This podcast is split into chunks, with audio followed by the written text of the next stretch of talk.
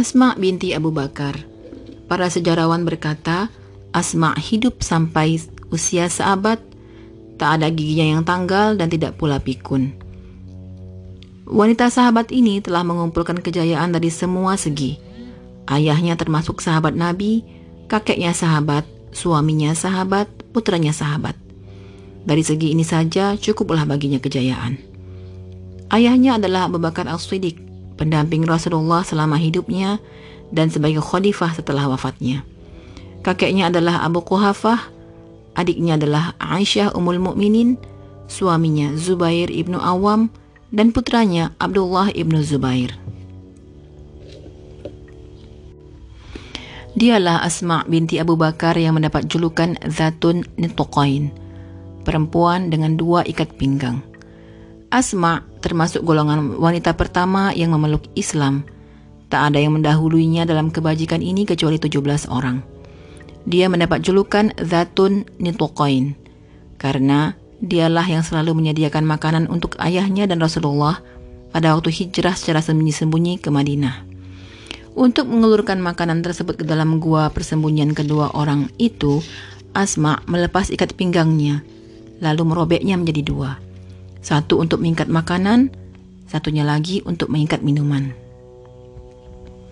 Rasulullah mendoakannya agar mendapat ganti yang lebih baik di surga.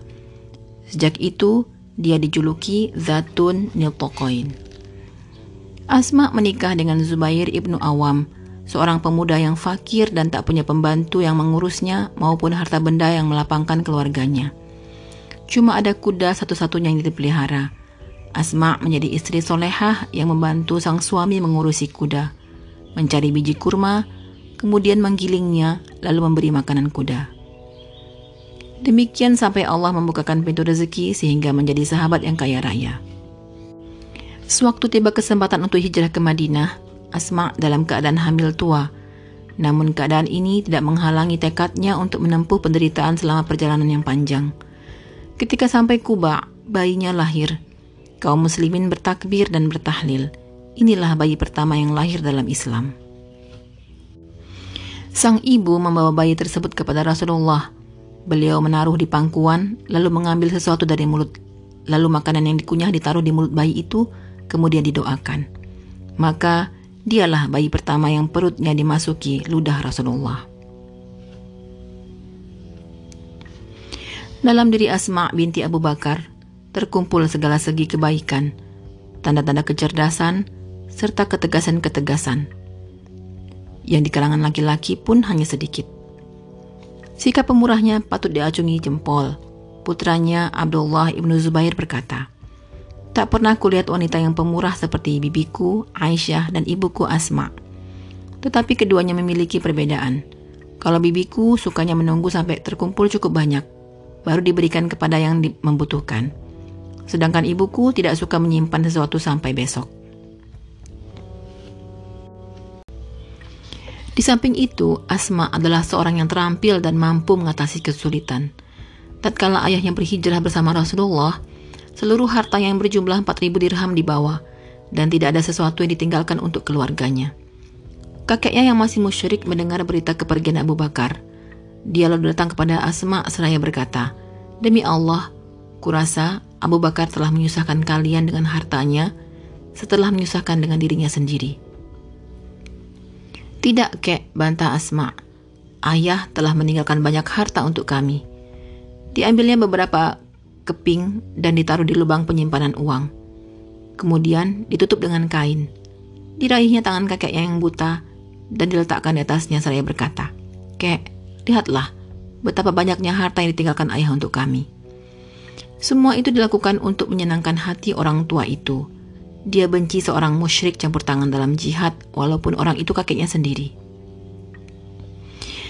Bila sejarah melupakan jasa Asma binti Abu Bakar dalam jihad, maka yang tak bisa dilupakan adalah ketangkasan berpikir, keteguhan pada pendirian, dan kekuatan imannya pada saat-saat menjelang tewasnya sang putra Abdullah ibnu Zubair.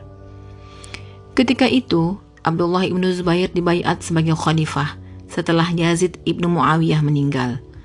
Seluruh warga Hejaz, Mesir, Irak, Khurasan, dan sebagian besar wilayah Syam berbaiat kepadanya.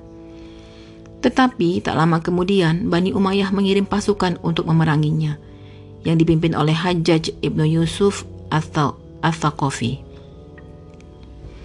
Terjadilah pertempuran sengit di mana putra Zubair membuktikan kejantanannya yang sesuai benar dengan kedudukannya. Namun sayang, para pem pembelanya meninggalkannya satu persatu. Sampai-sampai dia terpaksa tinggal di Baitullah Al-Haram dan berlindung di sekitar Ka'bah suci bersama sisa-sisa pengikutnya.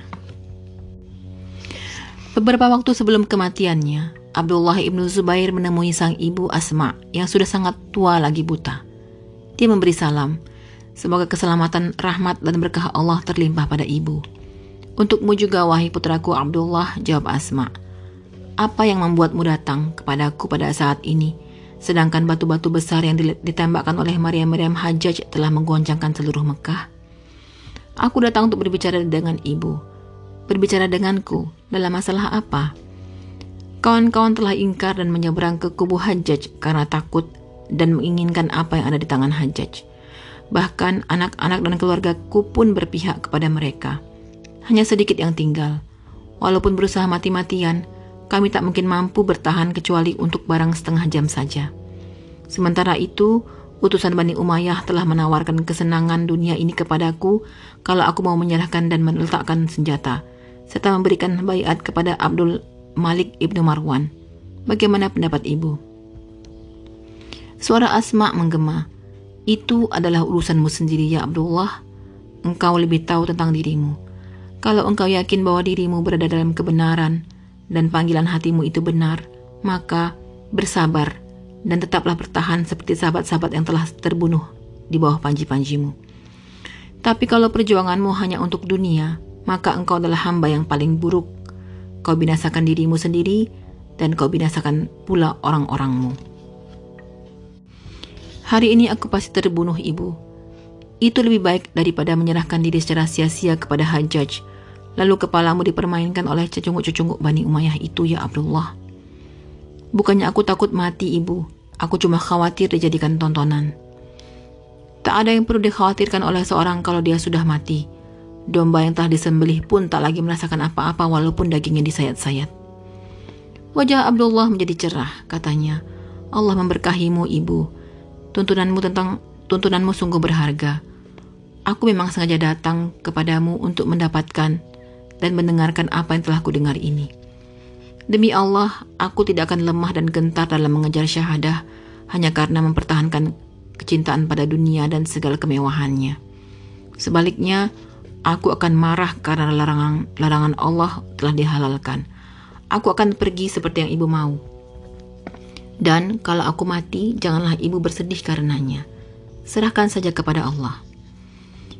Yang aku susahkan adalah engkau mati terbunuh dalam kebatilan, jawab Asma.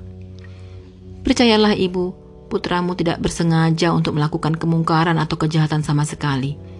Tidak melampaui batas hukum-hukum Allah dan tidak pula menipu dalam keamanan atau sengaja menzalimi orang muslim atau pihak lain dalam mengadakan perjanjian. Tidak ada sesuatu yang perlu diutamakan selain mengharap ridho Allah. Abdullah melanjutkan, Kukatakan semua ini untuk menumbuhkan kebanggaan pada diriku. Allah lebih tahu daripada aku. Kusebutkan hal ini untuk memasukkan bela sungkawa di dalam hatimu, ibu. Segala puji bagi Allah yang menjadikan engkau dalam apa yang dia sukai dan aku senangi. Mendekatlah kemari putraku, aku ingin menciummu dan mengelus tubuhmu Mungkin ini adalah hari akhir pertemuanku denganmu. Abdullah menghampiri ibunya lalu mencium tangan dan kakinya dengan penuh kasih. Asma membenamkan wajahnya ke kepala putranya. Diciumnya wajah Abdullah dengan kasih. Dirabanya seluruh tubuh putranya, tetapi dengan terkejut dilepaskannya sambil ber bertanya, "Apa yang kau pakai ini, ya Abdullah?" Pakaian perangku, jawab Abdullah. Bukan seperti ini orang yang mencari syahadah. Aku memakainya untuk menenangkan dirimu, ibu. Lepaskan, agar semangatmu bertambah dan gerakanmu lebih, lebih ringan. Tapi pakailah celana rangkap agar kalau gugur tidak terbuka auratmu.